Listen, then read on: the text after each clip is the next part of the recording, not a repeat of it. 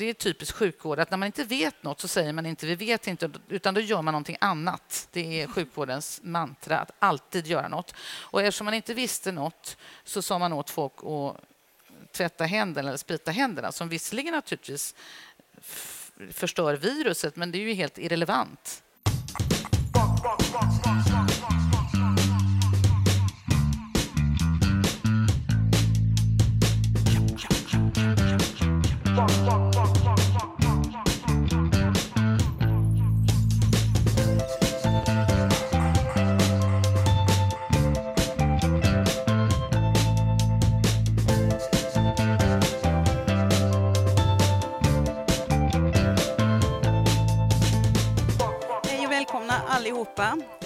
Det här är en podcast som vi ska spela in här på Nordstan eh, under Vetenskapsfestivalen 2022. Podcasten heter Akademiliv görs av den medicinska fakulteten vid Göteborgs universitet, Salgrenska akademin, av oss som är kommunikatörer där. Jag heter Elin Lindström.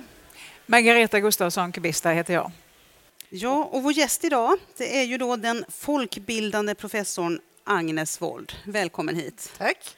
Vi ska alltså prata om corona, om covid-19. Eh, dels forskningsrelaterade frågeställningar, eh, men inte minst också utbildningsfrågor kring corona.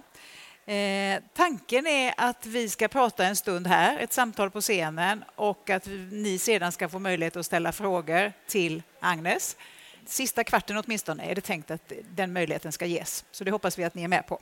Mm, vi skulle vilja börja med att backa bandet lite grann till våren 2022, eller mm. 2020, när det här eh, viruset var alldeles nytt och okänt och det kom. Det var ju väldigt mycket då som var just okänt. Vad skulle du säga att vi visste där i början och framför allt vad var det vi inte visste? Jag kan rekommendera en film som i alla fall låg förut på SVT Play som hette eh, kanske första året med pandemin eller något sånt där. Som, där man följer just folkhälsomyndighetsmänniskorna då från början. Och det är ganska intressant för då går de där i en korridor och säger ja nu kommer något här från Kina. Ja, ja, säger jag. Vi är så vana vid det. Alltså, man tror ju så här, varför gjorde man inte så redan då? Varför, varför? Jo, därför att det kommer ju såna här larm en gång i veckan eller var fjortonde dag och man vet aldrig liksom hur stort det blir då. Men när, det, när man visste att det var en pandemi väldigt tidigt visste vi ju då att eh, det var eh, framförallt äldre som drabbades, att dödligheten inte var jättehög jämfört med två tidigare coronavirus, sars och mers som hade haft 10 dödlighet och 30 dödlighet. Det här var säkert inte mer än 1% och kanske mindre. Och så var det framförallt gamla människor. Och det var extremt få barn som var bland de sjuka. Det såg man redan i Kina. Eh, det var bara ett par procent av dem alla som ja, var sjuka helt enkelt som var barn. Och när, de, när det var barn som var eh, smittade så hade de nästan alltid fått smittan av vuxna och inte tvärtom. Så det är ganska, det kan man förundras över att he, hela världen utom Sverige stängde ner sina skolor. För det, det var en av få saker man visste att det här inte kom från barnen, utan tvärtom. Och att barn inte var sjuka. Så där är väldigt bra. Eh, alltså väldigt mycket var ju oklart, men en av få saker man visste, där gjorde man helt fel överallt utom i Sverige. Det är väldigt intressant. För att vi förstod eller för att vi ja, hade tur? Eller? Nej, nej, nej, det var ju för att eh, Folkhälsomyndigheten förstod och Anna Ekström, eh, skolministern, hon var väldigt inne på detta, att de skulle hålla skolorna öppna. Det var ju ett liv och bråk då. Alltså de blev ju väldigt attackerade.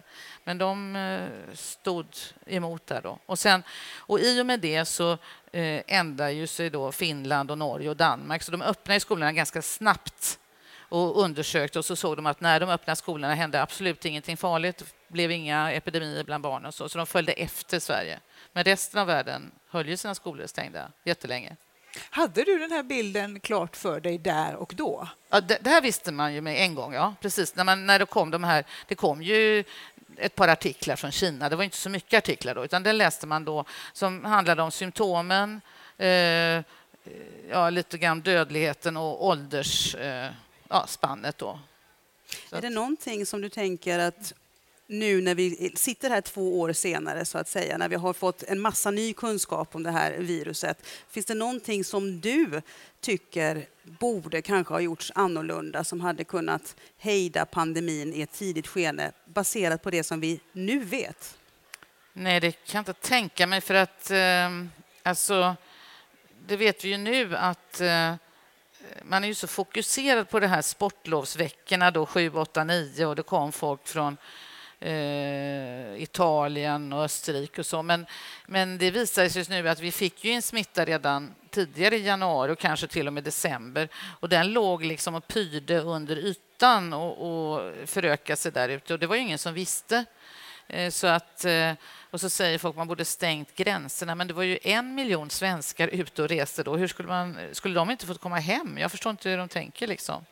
Det var ju de som, det var ju svenskar som hade varit ute och hämtade hem smittan där då. Så att, eh, eh jag vet inte.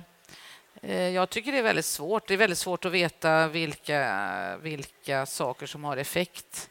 Det är en, annan, en bra grej man gjorde i Sverige och säkert i andra utvecklade länder det var ju att man genast sa att eh, eh, man skulle få... Eh, man skulle inte behöva betala om man var hemma och var sjuk till skillnad från USA och sen när man inte har eh, sjukförsäkring i stora grupper och så. Det är klart att då fortsätter man ju sprida smittan. Och det är något jag har tänkt på nu, att en, en sak som kan ha gjort att man fick ganska mycket smittspridning, framförallt i Stockholm, var att vi har ju de här som folk har uppmärksammat nu, de här eh, grå arbetskrafterna, man ska säga, de som städade hemma hos Magdalena Andersson. Alltså, de är inte direkt papperslösa, de är ju ofta EU-migranter men de, de, har ju ingen sjukpenning, de tar de här sämsta jobben, de bor kanske tio personer i ett rum och så vidare.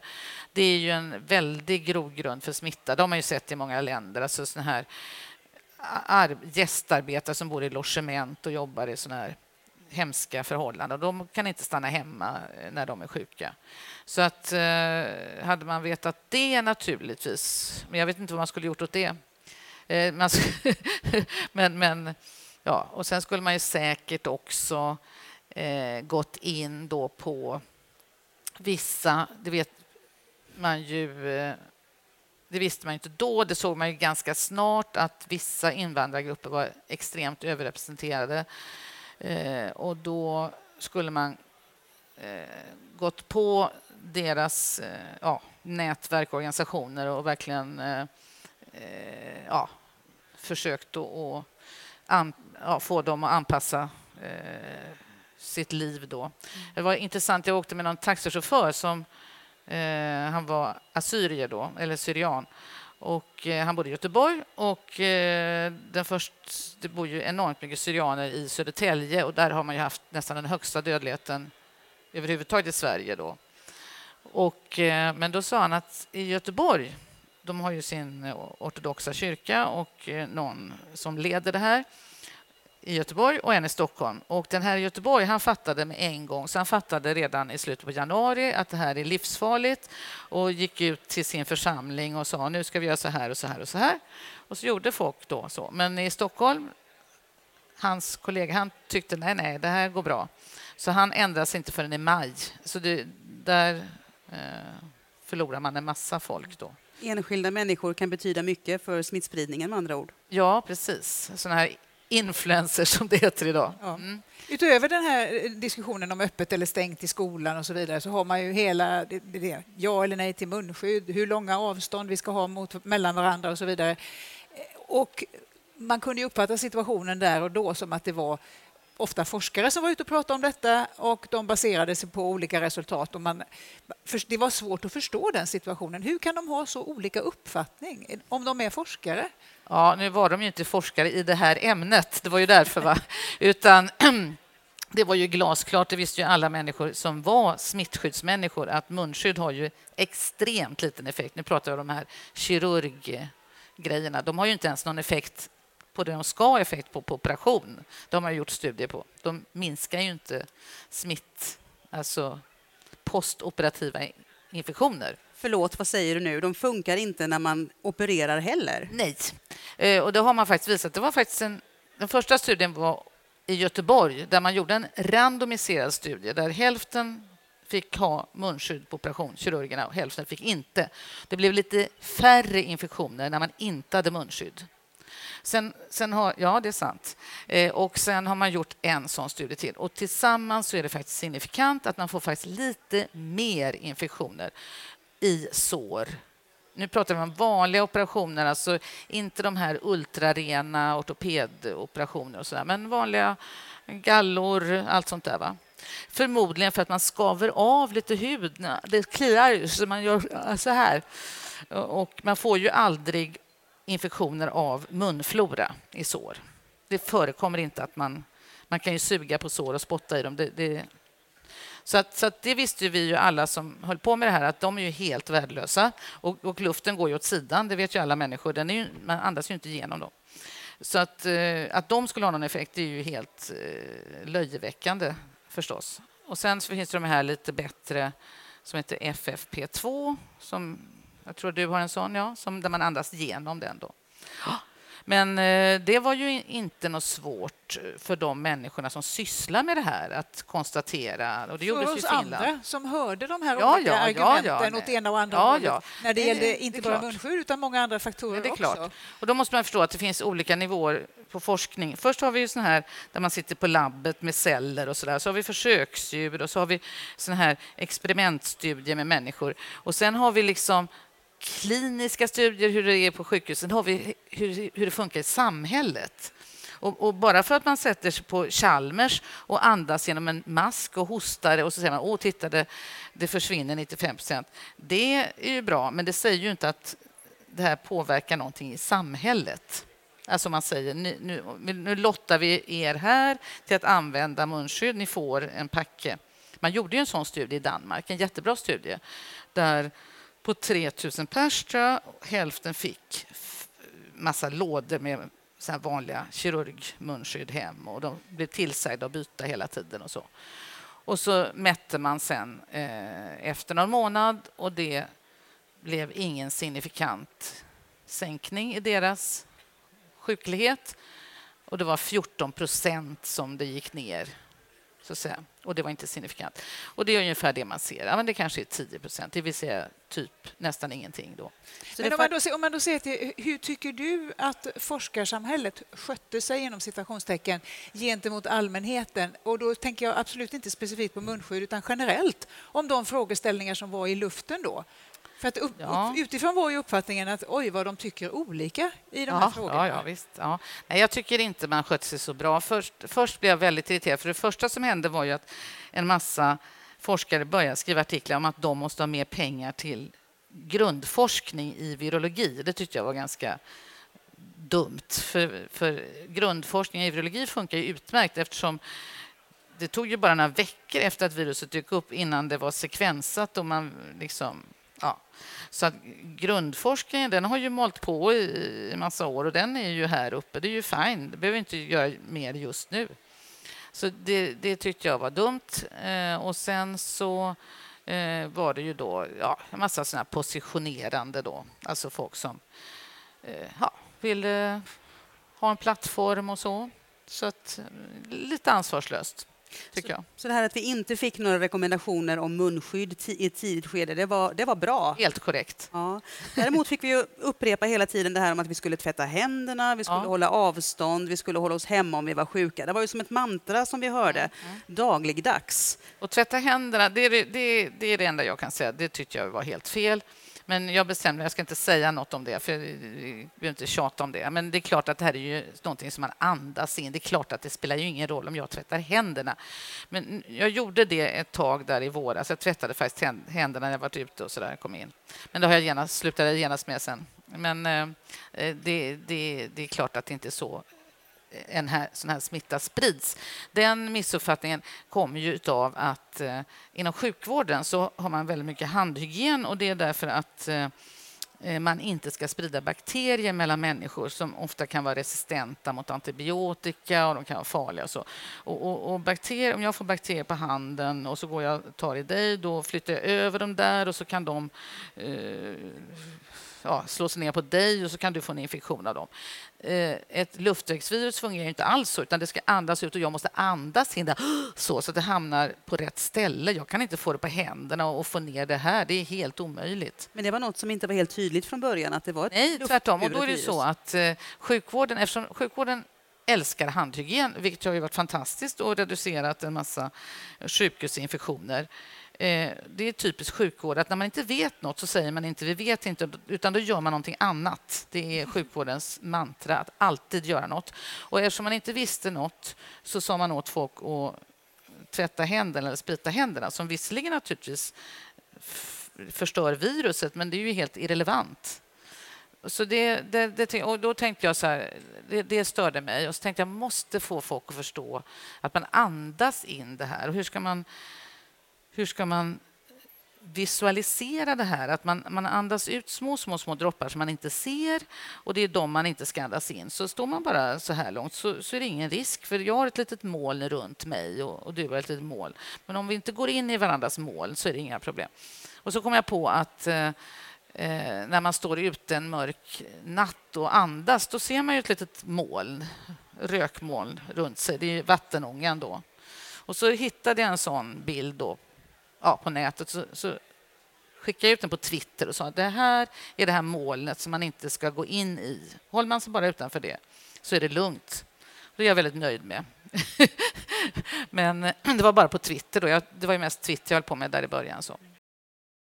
Jag skulle vilja prata om den här um, utbildningen som du var med och startade precis före pandemin. Ja. faktiskt. En nordisk utbildning i vårdhygien. Ja, Berätta om denna.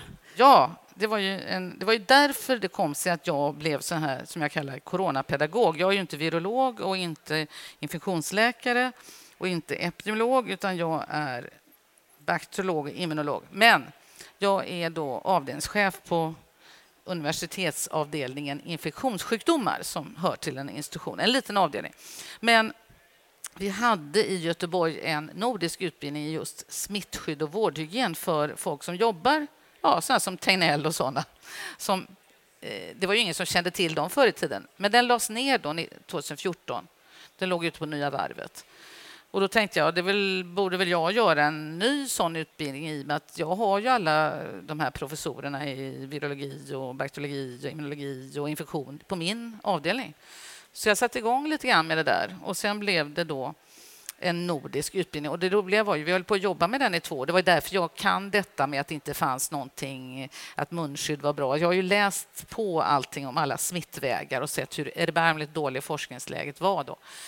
Men ehm, då blev den färdig 2019, så vi startade den på hösten 2019 och så kom den här pandemin 2020. Och just då, då hade vi de här eh, norska och danska smittskyddsläkarna Tegnell-varianter då, ute och, och samundervisade. Och precis när de kom med sina eh, det var ju politikerna som styrde där och jag kommer ihåg han dansken sa åh nej, nej, nu har våra politiker, nu ska de visa handlingskraft. Och de skämdes jättemycket för då hittade de på en massa sådana här grejer då som inte de smittskyddsmänniskorna tyckte var särskilt smart. Då. Mm. De tycker ju nästan alltid likadant i hela världen. Liksom. Mm. Men sen har ju politiker gjort mer och mindre. De har gjort väldigt lite i Sverige, då, vilket förmodligen beror på någon sorts eh, statsvetenskaplig finess som inte jag känner till hur myndigheter är organiserade och så. Så det var en liten slump. Hur, hur, kommer det sig att det finns... För det blev ju ett stort söktryck efter första året av pandemi till, till, till utbildningen. Ja, och det, kan man inte sånt här inom vården, tänker man ju då? Ja, jo, men det här är special, då, det här är på avancerad nivå, så det är för folk som ska jobba med... Eh, vårdhygien heter det när man ska minska smitta i sjukvården och smittskydd är när man eh, ska hålla koll på smittan ute i samhället. Så smittskyddet är sådana som Tegnell och Folkhälsoinstitutet. Vårdhygien det är folk på, inom sjukvården, men i övrigt ganska lika. Och eh, då hade man haft den här utbildningen fram till 2014 och så lades den ner. Och det var en nordisk utbildning, så det var framförallt en massa danska sjuksköterskor som stod och stampade och ville ha en ny utbildning och tjatade så att vi startade den där då. Så de, det är väldigt kul då, för vi har danskar och norrmän och, och svenskar och inga finnar än så länge. En islänning har vi haft också. Det var jättespännande att höra om den här studien du berättade om angående munskydden som Ja, gjordes i Göteborg. Hur är det med forskningsläget överlag när det gäller vårdhygien? Finns det, är luckor som behöver... Det är uselt. Därför tycker jag att du frågar detta om forskarna och jag tycker det, där man varit lite ansvarslös därför att vi har haft en jätteusel, anser jag, forskningspolitik sedan 2001 där man bara satsar alla pengar på det som folk för närvarande tror är fräckt. Jättefräcka grejer, mycket tung apparatur som man ska, det heter infrastruktur. Det älskar de att satsa på, miljarder. Va? Men sån här töntig forskning då, som, att, som är väldigt enkel att göra, man kan göra var som helst. Eh, som att nu tar hälften och använder munskydd på operation, hälften gör det inte. Det är inget sexigt, så då får man inte pengar till det.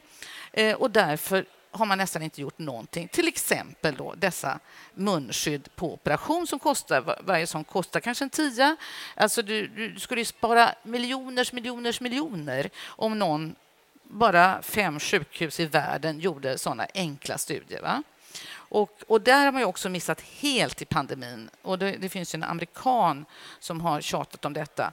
Det är ju en skandal. Du har haft hur många tillfällen som helst att när man inför restriktioner eller tar bort restriktioner att göra det kontrollerat så att man man tar i en kommun och öppnar gymmen och i en annan gör man inte det. Norge gjorde ju lite grann så någon gång. Eh, och då såg man, jag kommer inte ihåg vad det var, att det spelar ingen roll eh, om du hade affärerna öppna, det smittar inte i affärer, men gym smittade lite grann och så vidare. Så det skulle man naturligtvis gjort i massor av länder. Då hade vi vetat allting. Och vi vet ingenting idag. Vi står precis i samma läge. För alla, man inför allting på en gång, man är jätterädd och så tar det jättelång tid när man tar bort det och då tar man bort allting på en gång. Och då står vi där. Så ska man inte göra. I forskningen ska man då införa eh, under kontrollerade former. Men då var man ju så rädd. Men då kan man åtminstone ta bort det under kontrollerade former och då har man missat. Då. Så att just en sån här munskyddsstudie, vi skulle kunna haft 10 000 munskyddsstudier. Alltså vartenda land kunde gjort en munskyddsstudie, det är hur lätt som helst. Eh, men vi har inga. Vi har någon värdelös från Bangladesh där man samtidigt sa åt folk att hålla avstånd och så vidare, så man har rört ihop allting och så säger man att den visar att munskydd har effekt. Det gör den ju inte. Lite cred nu till forskarsfären och till läkemedelsbolag också om vi pratar om vaccin. Det Där skedde ju en alldeles utomordentlig mobilisering på mycket kort tid. Det var fantastiskt. Eh, där vi också arbetade med nya tekniker, mRNA-teknik och så vidare. Om man ser på hela den processen, vad är det vi har med oss från den? Vad kommer vi att få output på sikt ja, av det, det som och gjordes? Det är väldigt, väldigt intressant när vi tar det här med mode, eftersom jag är immunolog och eh, Många av mina kompisar har jobbat med vaccinforskning. Och det, vaccin har varit en lågbudget, osexig bransch. För eh, eh det, har mest, det är mest folk i fattiga länder som dör av infektioner. Så därför har man haft otroligt lite pengar till vaccinforskning. Därför har det gått otroligt långsamt. Vi har ju 30 vacciner ungefär som vi vaccinerar alla mot. Och de är jättebra, men det kommer otroligt få vacciner och det, det, och, det intressanta var ju nu när man såg när det bara vräkte in pengar och det var ju väldigt skickligt. Det var ju, det var ju framförallt politikerna och det var ju då Ursula von der Leyen i, och, och EU här som var jättesmarta. De hittade någon fond på 30 miljarder euro som låg och skräpade. Då sa de så här, vi tar den här fonden.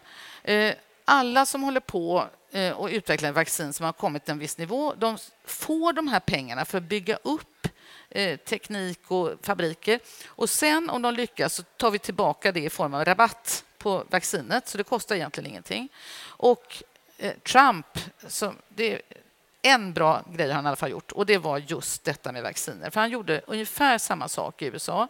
Han samlade alla läkemedelsbolagen och sa nu jävlar, nu ska ni fram ett vaccin på ett halvår. Och de vågade ju inte säga att det går inte, för de var ju rädda för honom.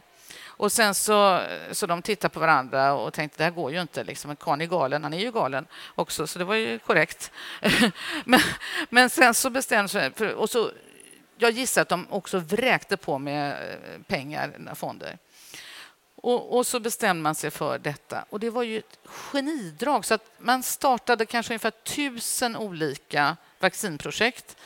Och kanske, vad vet jag, 50 som har kommit hyfsat långt och så har vi väl kanske 6-7 nu då som är på gång.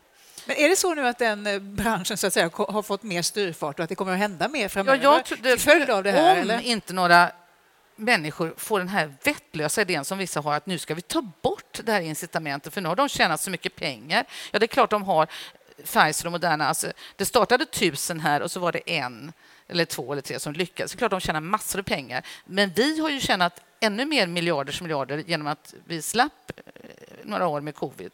Ja. Så att, och, och sen har du 900 som inte har fått de här pengarna och ändå satsat. Så att, så, ja. Men, ehm, för det finns ju mycket sånt att man ska inte ha patent och så och det är ju helt vansinnigt för det är ju det som har drivit det här. Men eh, det här med mRNA, det är ju inte någon ny teknik, men den har inte gjorts i något humanvaccin förut. Men den, den är från 90-talet ungefär. Då börjar man då med det här och forska på det där och det gick ju jättedåligt. Så höll man på RNA bröts bara ner och så kom man på att man skulle kapsla in det med fetter. Jaha, men så fick man så mycket inflammation. Och så har man hållit på med detta och grejat och grejat i ändå 30 år. Eh, och den här adenovirus som är Astra, det kanske man håller på med 15-20 år sådär. Eh, men det hade ju aldrig testats då på människa. Och jag trodde ju absolut inte på detta, det kan jag säga. Jag tyckte det verkade helt idiotiskt. Men, men, eh, och så kom ju den där fas 3-studien i november när man såg den här exceptionellt bra effekten. Då. Så att det är ju fantastiskt och det betyder ju då att det här är mycket lättare att göra också för då behöver man inte eh, stå och rena fram proteiner och döda bakterier och inaktivera virus och plocka fram eh, nya varianter som är mindre farliga. Alltså det är ju enormt långa procedurer utan här kan man bara tillverka en messenger-RNA. Sen måste man ju testa då eh, förstås säkerheten då så att det inte händer något förfärligt. Men, men det betyder ju att man kan göra massor av olika vacciner nu. Då. Och det kommer vi att ha glädje av på sikt också. Enormt. Ja. Sen får man då, en bra grej med dem är att eftersom de inte innehåller några proteiner så får man ju väldigt sällan svåra allergiska reaktioner. Det är ju en så här, folk som är allergiska mot ägg, de kan ju till exempel inte ta eh, virus som är virusvacciner som är odlade på ägg och så där. Så att eh, de är fantastiskt bra alltså.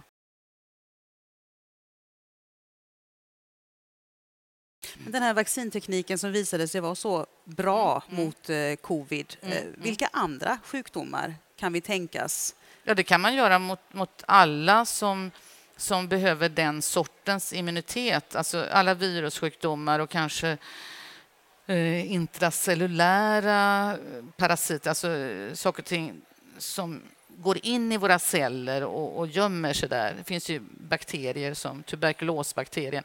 Tuberkulos är ju ett hopplöst fall. Man har ju på, vi har ju ett vaccin, men det, det togs ju fram på 20-talet eller något och det var ju framförallt mot barntuberkulos och, och funkar ju väldigt bra och barn fick inte tuberkulos. Det var ju många som dog av det.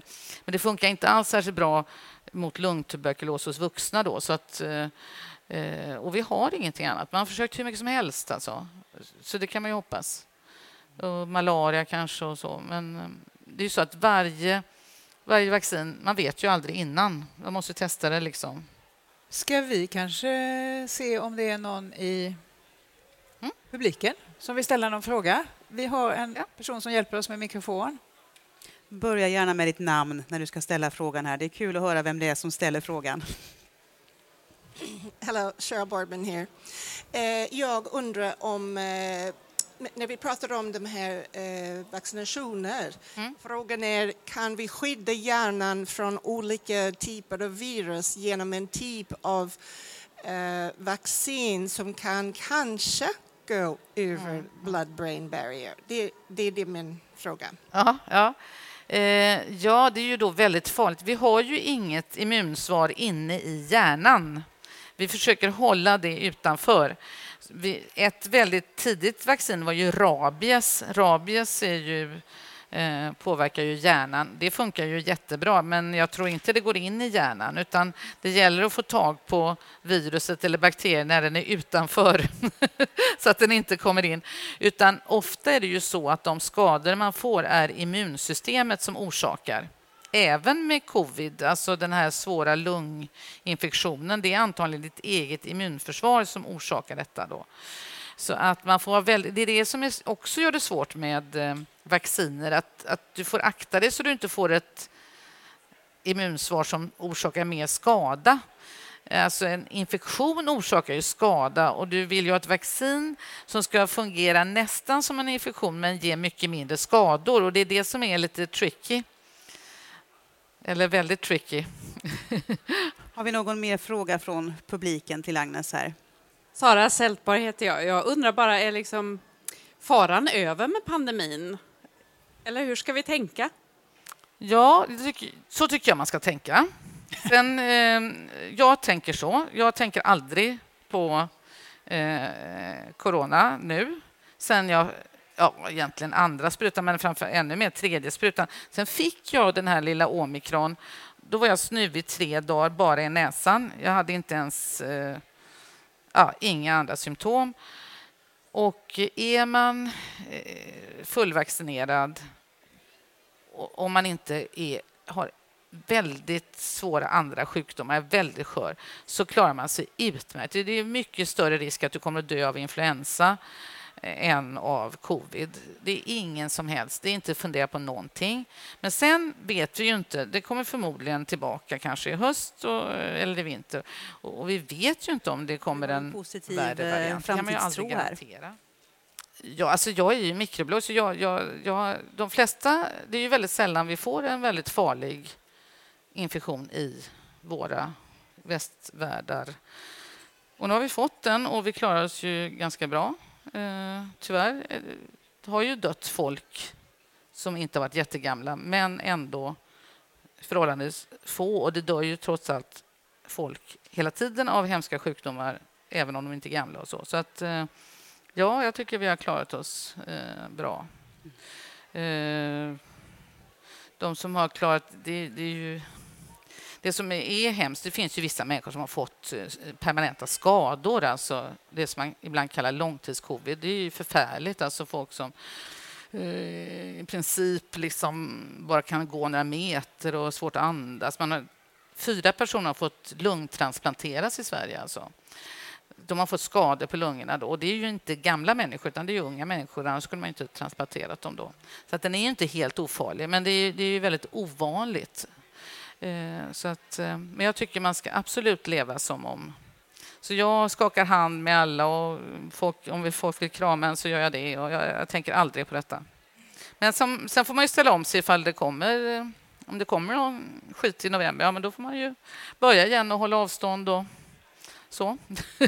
jag tror det är dags för oss att lämna plats för nästa programpunkt på den här scenen. Mm. Agnes Wold, superroligt ja. att eh, du kom hit och gjorde den här podden med oss. Och tack alla ni som kom och lyssnade. Jättekul att vara här. Eh, det här var Akademiliv. Eh, vi finns där poddar finns och vill man kontakta podden då gör man det på akademiliv.gu.se. Hej då! Hej och tack. tack.